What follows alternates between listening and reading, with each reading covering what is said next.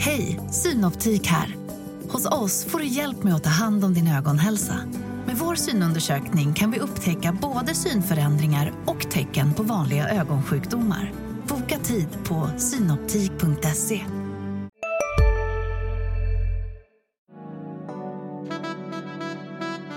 Du lyssnar på en podd från Närkes Allehanda.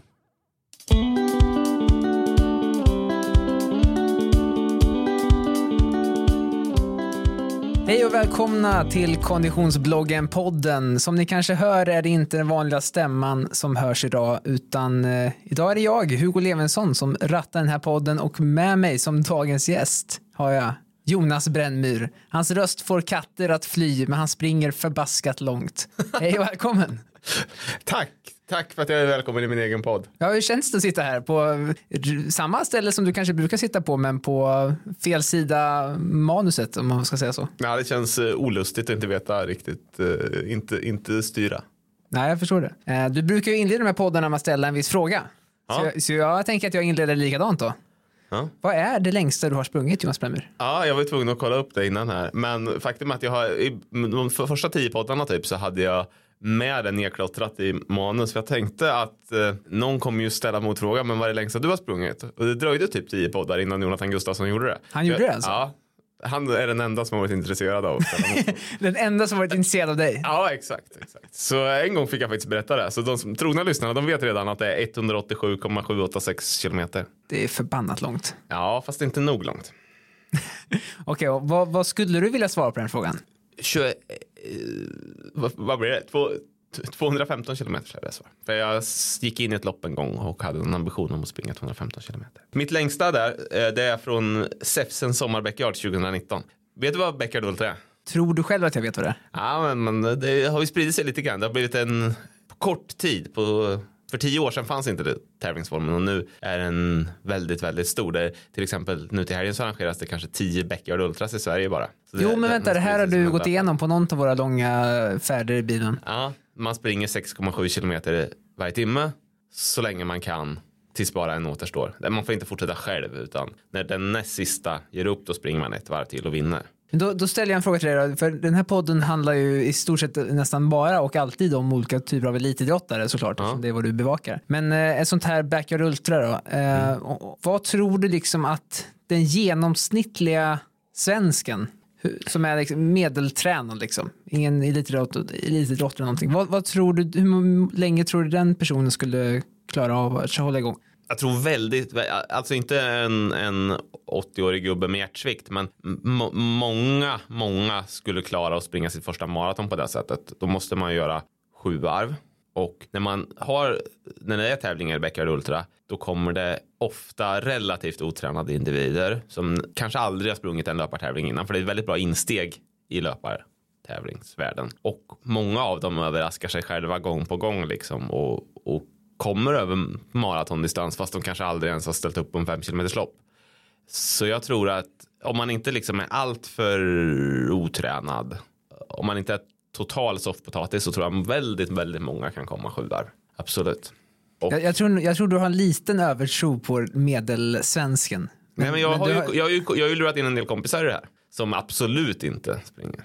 Nej, okej. Och då, de har känt sig rätt förstörda efter sju varv i och för sig, en del av dem. Men de har ändå tagit sig igenom. Ja, för tror du att det är, är det den mentala grejen att du faktiskt får stanna en gång per timme och vila en viss tid beroende på hur snabbt du springer då såklart. Är det den, den, den mentala biten som gör att man klarar så pass långt tror du? Eller vad, hur kommer det sig? Ja, men inte bara det att man får stanna utan att man, för det kan du göra i ett, ett, ett, springa ett vanligt maraton, du kan, så länge det inte finns någon tidsgräns så kan du ju stanna mycket mer där. Men det känns här, ju som här måste du ju ändå iväg. Jo, men det känns ju som när du springer ett maratonlopp, nu har inte jag sprungit ett maratonlopp, Mm.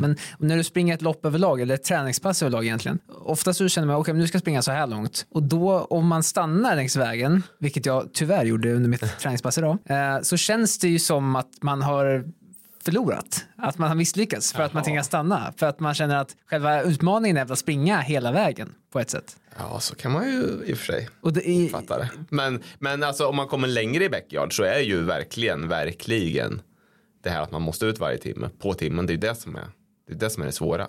det är det alltså. Ja, så, så att springa 100 miles, alltså 161 kilometer har ju många som ett mål. Och att göra det på 24 timmar, det är, det, det är därför det är en snuddad distans. Att man springer 6706 meter varje timme i Bäckagördlunden. Det är Därför att det ska bli 100 miles på en, ett dygn. Och att jag skulle säga att det är mycket lättare att springa 100 miles på ett 24 timmars lopp med fri vila än det är att springa 24 timmar på en backyard. För det börjar bli jobbigt där på natten och du kanske vill ha fem minuters extra vila och så får du inte det. Medan på ett 24 timmars lopp kan du lägga upp det precis som du vill. Så, så det, det blir absolut begränsningen i slutändan att vilan är inrutad. Och, och, och ännu mer så när man kommer upp på elit, elittider så att säga. Det finns ju de som verkligen går in för Beckard Ultra. Världsrekordet är 102 timmar. Och Uff. då är det ju en tävling i sömnbrist i slutet. Och då gäller det ju att kunna springa nog fort då, kanske på 40 eller 45 minuter. Det är ju jättelångsamt tempo för att nå 45 minuter.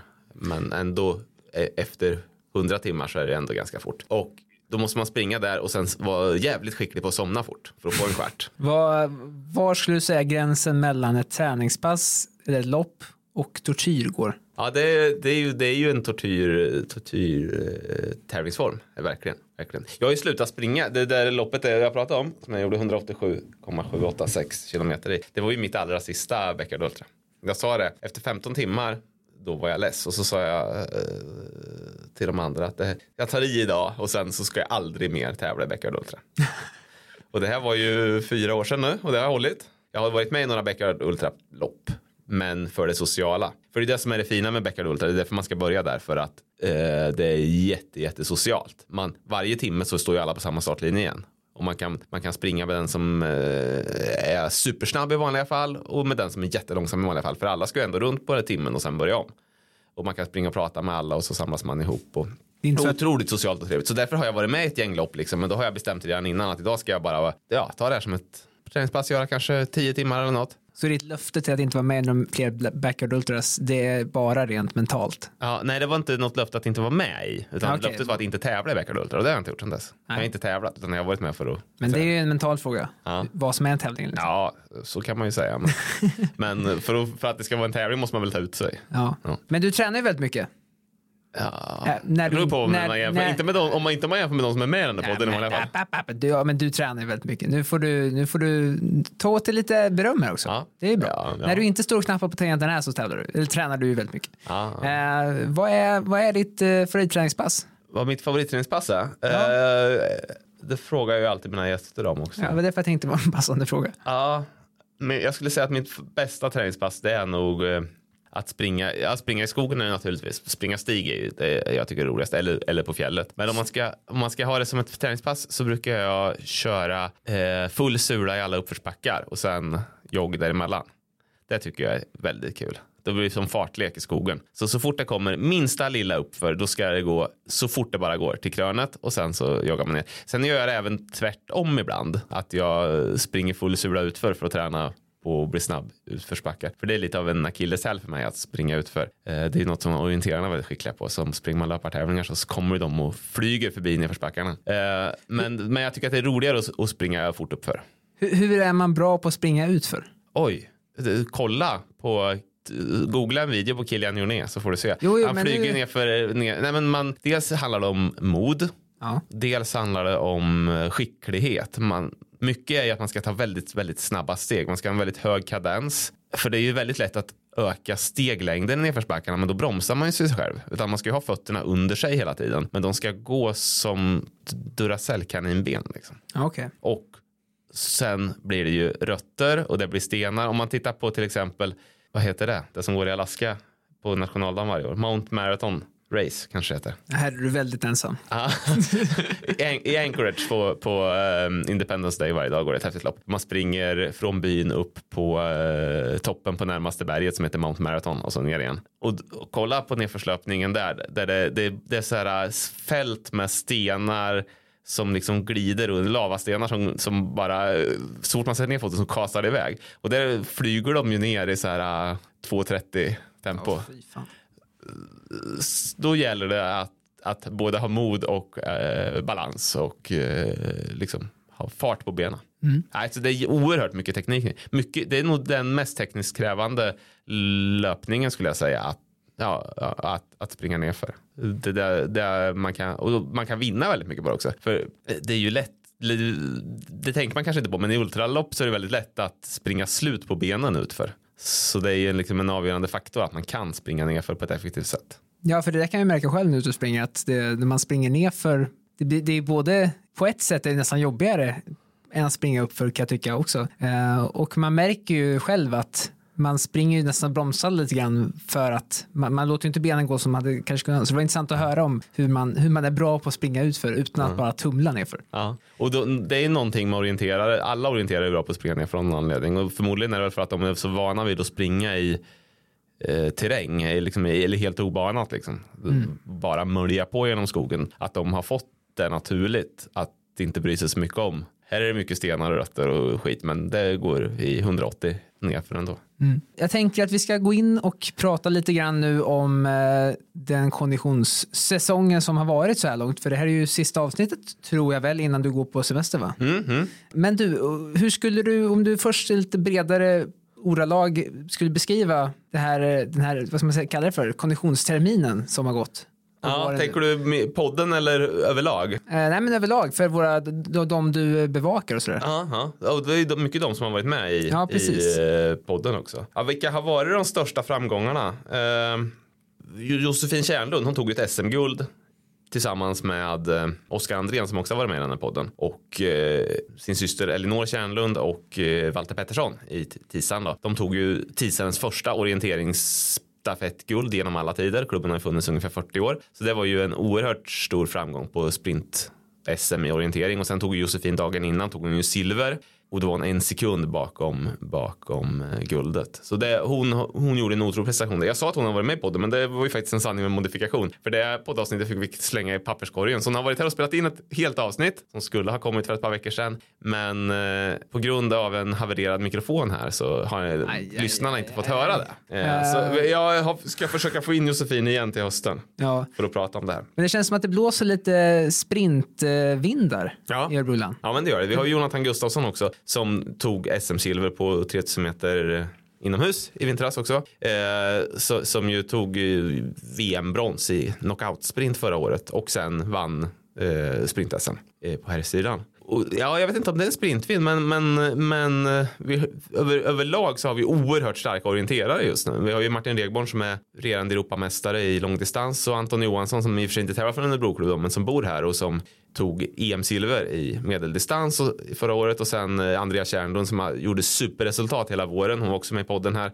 Och då sa hon att hon siktade på en plats i, i VM-truppen och då, jag, jag var nog ganska hård så här och sa ja, det kanske inte är fullt realistiskt. Så här. Men sen så gjorde hon ju en otrolig vår och hade en plats i VM-truppen skulle jag säga tills VM-testerna i Schweiz veckan innan VM-truppen skulle tas ut där hon hade en tyngre helg och så blev hon bara om man säger så inom citationstecken eh, reserv på plats. Så hon är liksom nummer eh, fem får man väl säga i det svenska laget därför Tove Alexandersson har en fri plats och sen är det tre uttagna svenskar och hon är reserv till de tre. Då. Man får inte ersätta Tove om hon inte kan springa för eftersom hon är en personlig friplats. Men hon är reserv till de andra tre. Och sen har vi också Jerker Lysell som har med på den som är inflyttad hit som skadad ganska mycket eh, men som ändå är dubbelvärldsmästare i orientering och Oskar Andrén som var med och tog det här uh, guldet med Tisan och som också var uppe och, ledde Stockholm Marathon i SM-klassen eh, och eh, är nära landslaget, kanske springer EM i höst. Så det finns, och så Elinor Kärnlund som man inte glömmer heller som också var med i laget där. Hon sprang också EM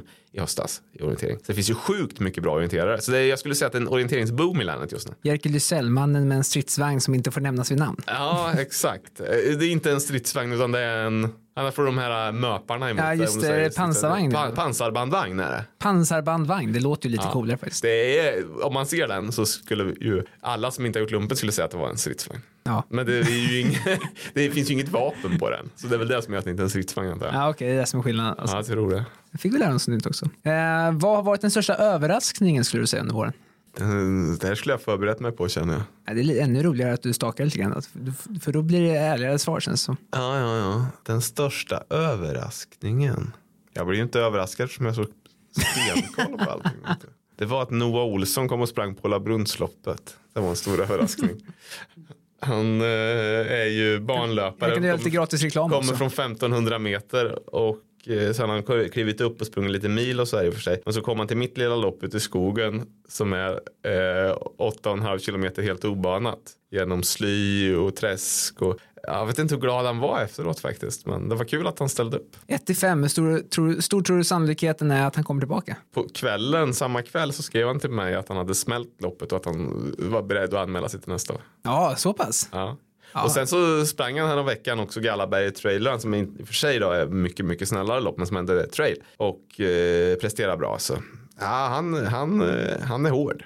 Han, har ju, han är, är också militär så han har väl tar Jerker Lisell där. Så han, har, han, han, han, han, gillar väl det där lite ruffiga kanske. Ja, det får vi tro. Nej, men annars prestationsmässigt vet jag inte vilken som skulle kunna vara den, den, den stora överraskningen i år. Är det Andreas Svenssons vår kanske? Ja, kanske det. Eller Siri Englund som har gjort en superutveckling. Tog ju EM-guld i, i OCR och nu blivit preliminärt uttagen till VM i OCR fast hon egentligen sikta, satsar på militär femkamp. Eh, jag och eh, vår kollega Olle Mellström satt här en sen kväll och försökte bena ut vad OCR är och vad det är hon har egentligen gjort.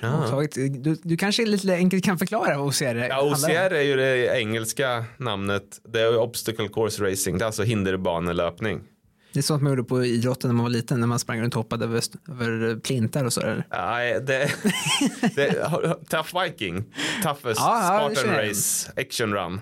Alla ja. de där serierna blev ju skitstora för typ tio år sedan. Vi hade ju ett Action Run i Örebro till exempel. Ja, det minns jag. Och då, det, det är ju löpning kombinerat med uh, lite hinder. Det är så ramp man ska springa upp för som på gladiatorerna kanske inte hade någon ramp, men Ja men det är jävla nin de Ninja Warriors. Ja, lite, inte riktigt Ninja Warrior hållet men. men inte så när man springer upp och så ska man hoppa och ta tag i en kant. Är det sån eller? Ja precis. precis. Ja, ja. De kanske hade det där också. Ja, jag tror de brukar ha en sån vägg på slutet ja, man ska springa upp. Ja men det är ju samma här. Mm. Och sen är det ju mycket armstyrkor. Man ska eh, armgång och Laxtrappor och grejer. Inte, inte, det är oftast inte riktigt så avancerade hinder eftersom Nej. det ska få plats tusen löpare som ska kunna mörja förbi utan att det blir köer. Ja, du vill inte ha en köbildning bakom en laxtrappa. Nej, Nej. exakt. Men, men den typen av eh, hinder ändå. Ah, okay. Så det, det är OCR. Och nu har, man, nu har ju OCR blivit en del av Svenska friidrottsförbundet och det har stadgats upp även internationellt. Så nu finns det riktiga mästerskap. Siri blev ju världsmästare redan 2015 men då var det ju för en av alla de här hundra organisationerna som fanns då. För då hade alla de sina egna mästerskap och det var ju inte riktigt så officiellt. Men nu vann hon ju EM-guld, eller EM-guld i, i stafett här på riktigt. Så det är, det är coolt ändå. Mm. Och vi får se. Hon har ju en viss medaljchans även i, i den gamla klassiska fina grenen militär femkamp här. Ingen, jag tror inte det är någon svensk som har varit bättre än typ 10 på VM genom alla tider på damsidan.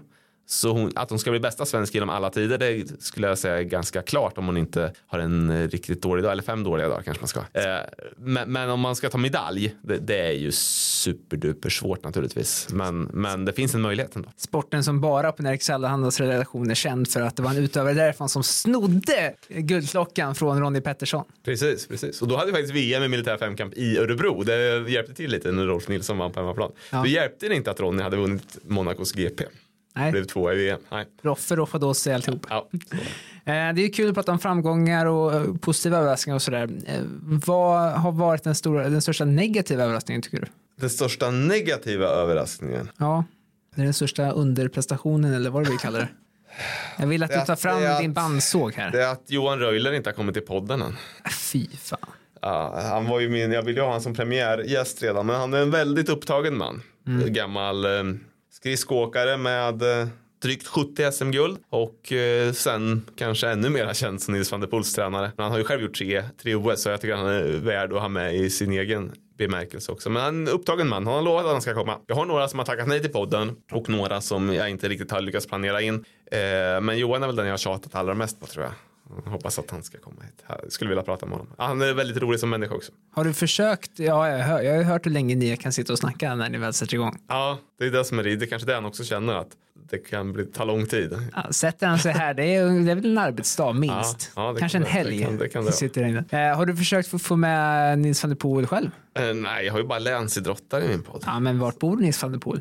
Ingen aning. Han, bodde, eller han har i alla fall bott i landet. Ja, han har bott lite grann hemma hos Johan har han gjort. Ja. Nu tror jag inte att han gör det Han längre. Han har, nog, han har nog lite mer välbeställt nu efter karriären. Det finns en risk för det. uppdrag här och där. Så, ja. Annars så, så eh, jag hade ju ett wildcard. Jag hade ju Lisa Ring med i podden. Hon bodde ju 50 meter från länsgränsen på fel sida i Östergötland. Men hon fick vara med ändå. Ja, du var ändå tillräckligt snäll och lät henne liksom, Ja, ja okej då, en, östgöte får med. Ja, en ja. att få med. Hon hade ju en gård utanför zinkgruvan men den låg liksom gå- gårdens, vad heter det, Gr- gräns säger man inte, tomtgräns. Ja. Ja, tomtgränsen Ja, på tomtgräns. gården gränsade mot Örebro län och själva huset var 50 meter ifrån. Så, jag kollade noga på kartan. För Hej, Ulf Kristersson här. På många sätt är det en mörk tid vi lever i. Men nu tar vi ett stort steg för att göra Sverige till en tryggare och säkrare plats. Sverige är nu medlem i Nato. En för alla, alla för en. Har du också valt att bli egen? Då är det viktigt att skaffa en bra företagsförsäkring. Hos oss är alla småföretag stora och inga frågor för små. Swedeas företagsförsäkring är anpassad för mindre företag och täcker även sånt som din hemförsäkring inte täcker. Gå in på swedea.se företag och jämför själv. Att kunna se om, om jag kunde claima Lisa Ring som, som länsidrottare. Det gick inte riktigt, men nästan. Ja, nästan. En, tillräckligt bra för att få med henne i podden i alla fall. Ja. Eh, annars från våren då, vad har stuckit ut? Har du någonting du vill eh, ta upp? Ja, nej, men jag tycker att det har varit väldigt roligt med eh, lyssnarinteraktionen får man säga. Eh, när en podd. Eh, jag har aldrig någonsin fått så mycket positiv cred för något jag har gjort. Jag har ju skrivit sport i 20 år. Och först, det var först när man började med podd som, som det kändes som att folk eh, förstod att, eh, vad jag höll på med tänkte jag säga. Nej, men, det är inte så, jag, det- jag har ju märkt att det är inte så många som läser vad det står för namn under texten. De läser NA, punkt. Sen om det är jag eller någon annan som har skrivit det bryr de sig inte om alls. Men i den här podden så blir det väldigt tydligt att jag sitter och pratar och därför så har ju, kommer ju folk fram på ett helt annat sätt. Så fort jag är ute och visar mig i konditionsidrottssvängen och jag är ju med på ganska mycket tävlingar här och där så kommer det alltid fram folk och tackar för att podden är bra och, och kommer med tips på folk de vill ha med och sådär. Och det är ju himla roligt för det har jag aldrig upplevt innan. Även om jag har skrivit en miljard orienteringstexter genom åren så är det bara Maud Larsson i Hallsberg som har tackat för att jag skriver orientering. Det är först nu som, det kommer, som folk börjar märka att det egentligen är du som ligger bakom 99,9 procent av allt som rör konditionsidrott som vi skriver här. Ja, skulle jag inte vilja säga men, Jag, jag, men eh, jag vet inte hur låg procenten är på, på något vi skriver som du inte antingen har kommit med tips eller skrivit om själv eller sådär. ja. Det är en väldigt liten andel. Men, Om det men, ens förekommer. men det beror också på att jag är väldigt snabb med att tipsa. Annars, ja. Om, jag, tror inte, jag, jag tror inte att det på något sätt är oumbärligt utan jag tror att ni hade eh, skött det lika bra ändå bara att någon annan fått komma med tipsen. Jag vet inte om du, jag tror inte du förstår hur mycket konditionsbevakningen hade, ha- alltså hade sågats i tu om du hade slutat här. Det är sinnessjukt. Jag ska ta semester nu Ja. så vi får se vad som händer under Ja, sommaren. du brukar vara en frekvent mejlare då också, även om du raderar andra appar och har dig. Men en lite mer personlig fråga då, för du har ju ett väldigt brinnande konditionsidrottsintresse och sådär. Hur, hur kommer det sig? Var- Vart började ditt eget intresse för konditionsidrott och, och löpning framförallt? För vi, vi alla här är medvetna om att du överhuvudtaget inte kla- klarar av att sparka på en boll. Ja. Så att det är ju inte genom fotbollen eller något sånt. Nej, nej men eh, jag har ju aldrig hållit på med fotboll. Nej, precis. Nej men jag höll på lite med orientering när jag var liten. Sen höll jag inte på, jag sen spelade lite bowling faktiskt. Jag är från Degerfors och jag hade ju Jag beklagar sorgen. Thomas Leandersson. Eh, som lite bowlingtränare faktiskt. Det var ju en himla lyx ha världens bästa spelare genom tiderna som tränare när man var så här oduglig tioåring. Eh, och sen höll jag inte på med någon idrott på många, många år och sen så eh, började jag väl springa lite igen. Av någon anledning. Men, men jag har ju alltid gillat att titta på skidor och friidrott och sådär på tv. Golden League gick ju på SVT när man var liten. Det som är Diamond League då. Då var det fyra, fyra tävlingar bara som var stora under sommaren. Golden Four och sen det Golden League. Eh, som man tittar mycket på. Så, här. så jag har alltid gillat det. Men, eh, nej, men det är ju världens bästa sport. Det är ju så mätbart. Vilken? Löpning. Löpningen. Ja. Mm. Det är enkelt, alla kan göra det. Det är demokratiskt, det är billigt tills superskorna kommer i varje fall. Och det, är, nej, men det är bra på alla sätt. Jag har alltid gillat det. Eh, Du springer ju många lopp själv och så här. Hur brukar du försöka ladda upp inför ett lopp i matväg och i träningsväg? Säg, eh, jag vet inte, hur, långt, hur nära inpå börjar du förbereda dig mer aktivt inför ett lopp? Ja, Kan vi börja med. Ja, det, ja, du menar trappa ner träningen? Ja, men precis. När börjar du justera dina vanor för att just för att ett lopp kommer och försöker liksom förbereda dig inför det? Väldigt olika, men jag kanske har två, tre mål, mållopp per år som jag satsar liksom på. Jag, springer ju eh, väldigt mycket små lopp som jag bara ser som träning. Ja, men om vi ser Men- ett men- lopp där du satsar lite Ett lopp som jag satsar på kanske fyra, fem dagar innan. Att man börjar inte köra några fler hårda pass liksom så. När jag sprang mitt allra bästa lopp så här i efterhand, Ultravasan, då körde jag faktiskt en sån här klassisk kolhydratstömning gjorde man ju förr i tiden. Då tömde man, det var, gjorde alla som satsade på maraton förr i tiden. På 80 och 90-talet så det var jättepopulärt. Då tömmer man kroppen på kolhydrater. Om man ska springa maran på lördag är det ju oftast. Då tömmer man kroppen på kolhydrater måndag, tisdag, äter inga kolhydrater och så kör man ett ganska långt pass andra dagen där.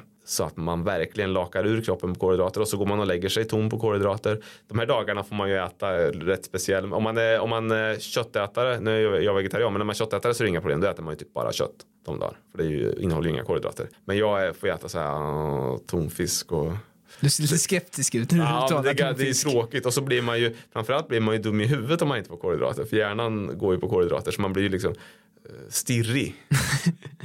det är inte så kul.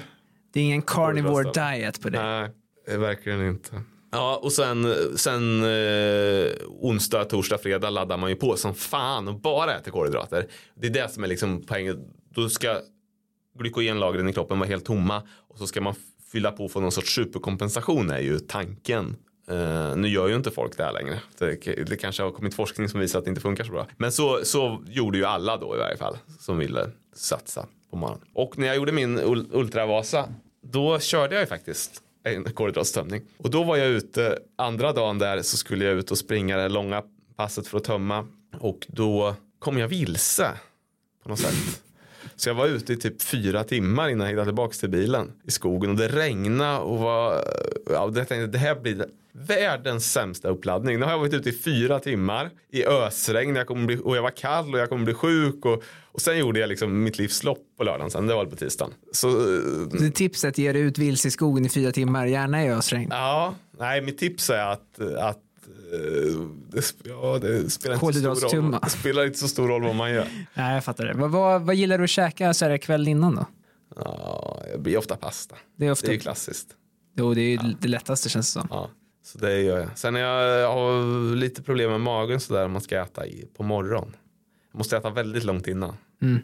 Så det kan bli väldigt tidigt. Ultravasan startar ju fem. Vet du. Så ska man ha ätit två timmar innan det, då blir det tidigt på morgonen. Så, ja. Jag ska springa Ultravasan i, i augusti igen. Så det andra, blir andra gången, det blir revansch. Eller revansch blir det inte, för mitt bästa lopp. Så. Men jag ska försöka ta min tid. Nu har de ju förlängt banan med två, två kilometer till år. Så vi får se om det är möjligt. Men planen är att jag ska, det ska gå, ändå ska gå fortare i år. Vad, jag fortare, vad, vad, vad sprang du på sist, Ultravasan? 8.12 sprang jag på då. Vad är målet den här gången då? Ja, målet, målet var under åtta timmar tills de ändrade banan då. Så nu är det väl att typ nå samma tid fast den är två kilometer längre. För det kom lite oförhappande så här den här banändringen. Vi får se lite. Men det är, jag tänker att jag är i bättre form nu i varje fall. Eh, om vi går in lite, vi kan börja med att titta framåt. Vad, när du kommer tillbaka från semestern och eh, den här podden rullar igång igen. Eh, vad finns inför hösten och sådär att se fram emot? Ja, un, under sommaren nu så är det framförallt orienterings-VM såklart med, med Martin Regborn och Anton Johansson att hålla koll på. Mm, Martin är ju också uttagen i svenska stafettlaget. Han kan ju ta guld, både, eller guld, medalj i varje fall, både individuellt och han kan väl ta guld med för den delen. Både individuellt och i stafett. Vad tror, vad, om, du får, eh, om du får tippa, vad blir det? Ja, Kasper Fosser ser ju otroligt stark ut, norrmannen. Han är ju lite i en klass för sig om han har en bra dag.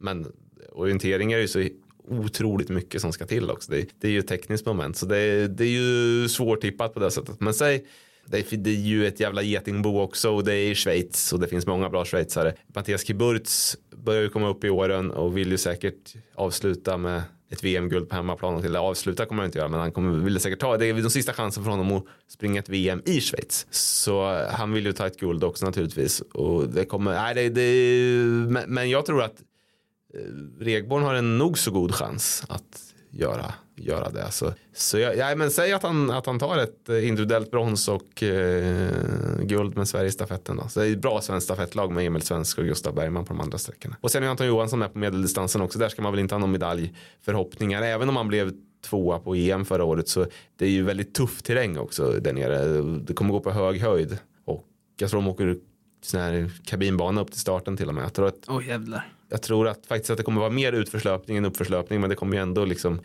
väldigt speciell terräng. Och det har vi alla som lyssnar på den här podden nyss fått lära oss att det, det är orienterarna är starka på. ja, men nu är det ju bara orienterare med Ja, det orienteringsVM är, konstigt nog. då, då kanske inte just svenskarna har någon fördel så. Det är kanske, ja, som- du säger, det kanske är schweizarna man ska titta på då. Exakt. Nej, schweizarna är ju kända för att vara bra i Schweiz naturligtvis. Ja, det Så- känns så ju- enkelt, det känns så enkelt rimligt. är det.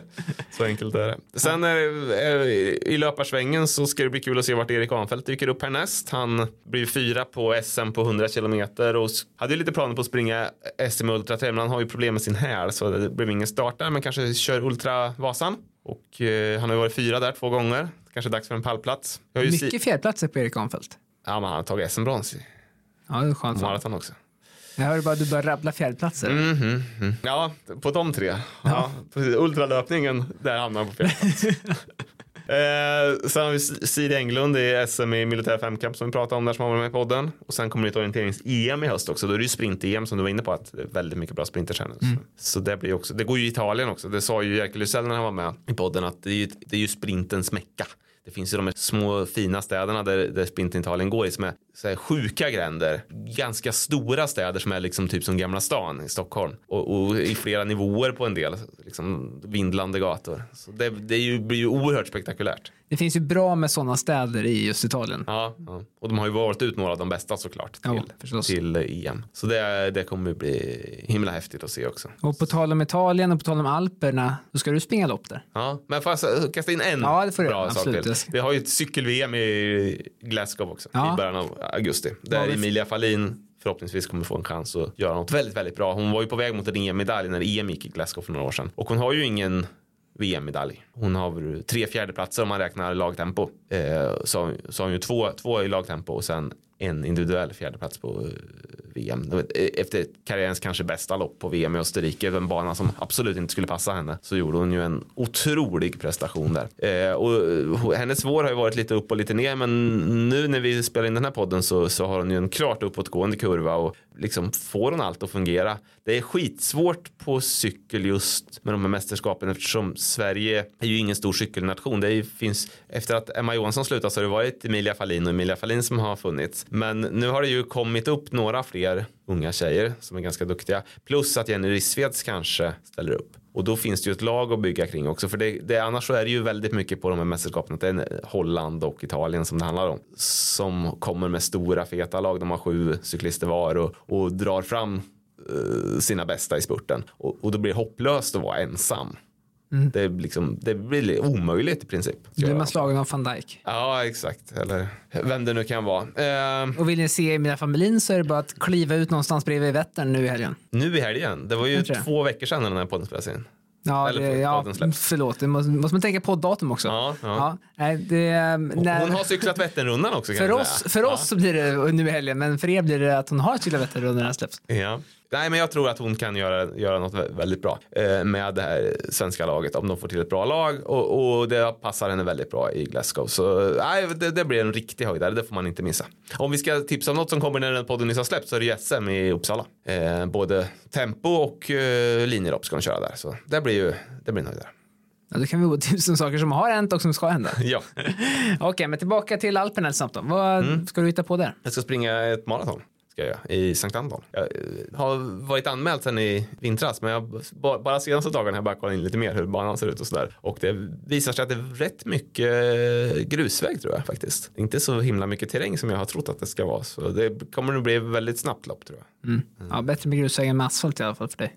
Ja, då hade jag inte sprungit. Nej. Men jag trodde att det var lite liksom mer eh, som såna här fina leder som det brukar vara i Alperna. Det brukar ju vara, om man jämför Sverige, Sverige och svenska skogar eller fjäll med Alperna så är skillnaden att i Alperna så finns det ju inga sten eller rötter. Det är ju breda fina stigar som det går att springa hur snabbt som helst på. I Sverige så är ju alltid om man springer i fjällen så är det ju fruktansvärt stenigt på de flesta ställen och det är ganska kul att springa bland sten. Det har jag ingenting emot men det blir en väldig kontrast mot Alperna. Det går att hålla mycket, mycket högre fart där. Så det, och det, det är 1700 höjdmeter ungefär i det här loppet jag ska springa. Fördelat på två stigningar, en lite längre först, första milen eller drygt så, så tar man lite mer än tusen höjdmeter och sen går det lika mycket ner igen och sen går det upp på en andra topp och sen går det ännu mera ner så det är kanske 2000 meter neråt tror jag, lite mer neråt. Man, målgången ligger längre ner än starten och eh, så, så det gäller väl att spara lite så man eh, orkar med den andra stigningen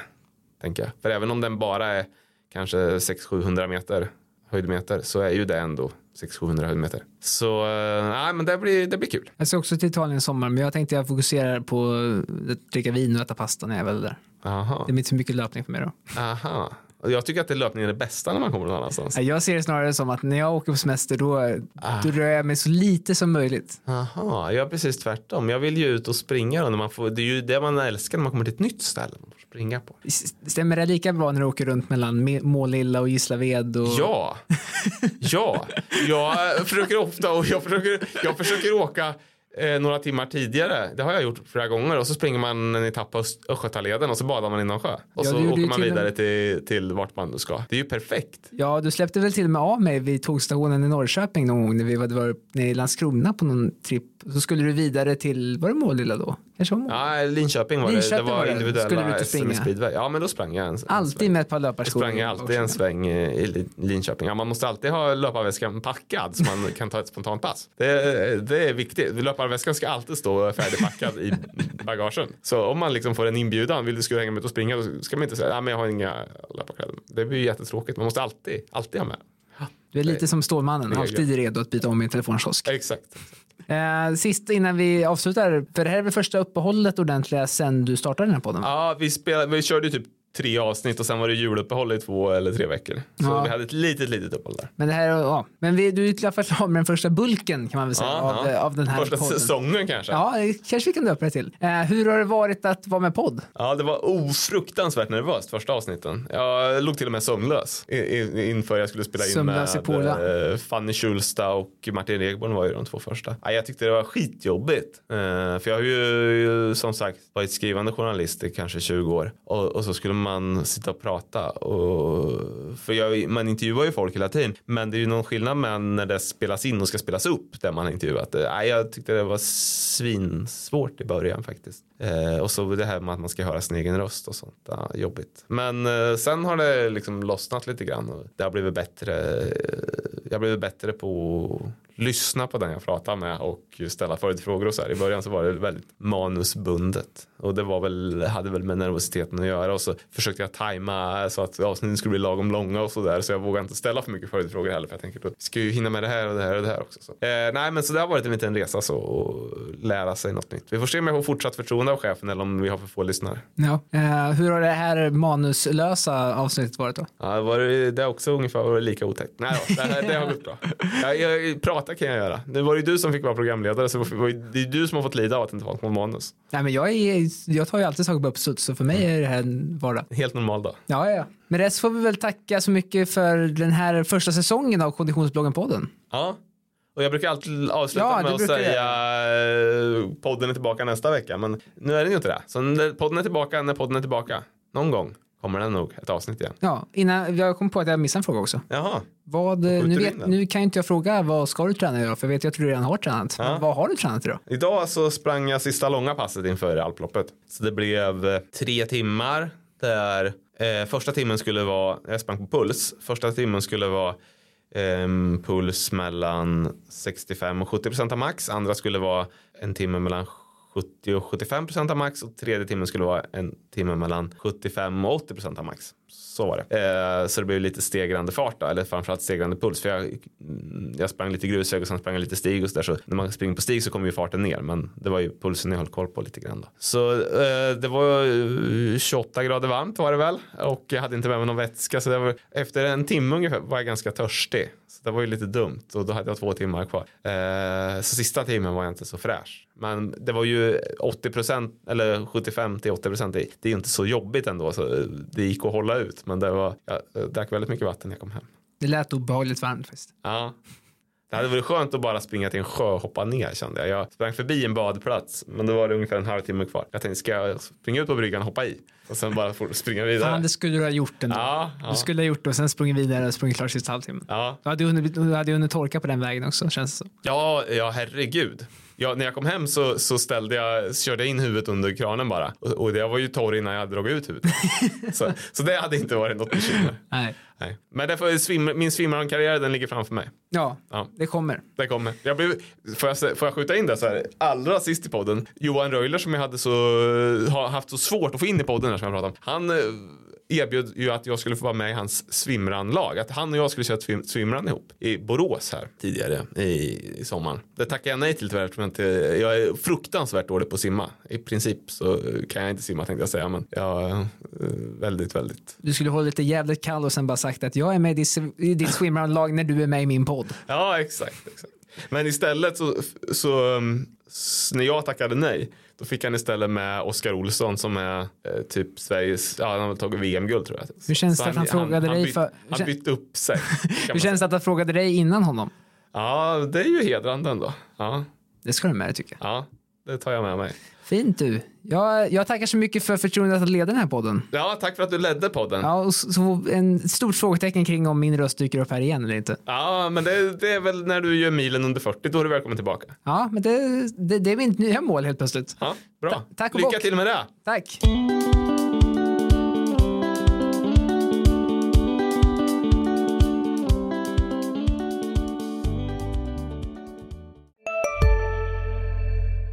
Big Mac har miljarder fans över hela världen. Under mer än 50 år har den skapat popkulturell historia. En legend med 100% nötkött och den mytomspunna såsen. Nu finns Big Mac för bara 39 kronor på McDonalds. Okej hörni, gänget. Vad är vårt motto? Nej, allt är inte alltid som du tror. Nu täcker vårt nät 99,3 procent av Sveriges befolkning baserat på röstteckning och folkbokföringsadress. Ta reda på mer på 3.se eller i din 3-butik.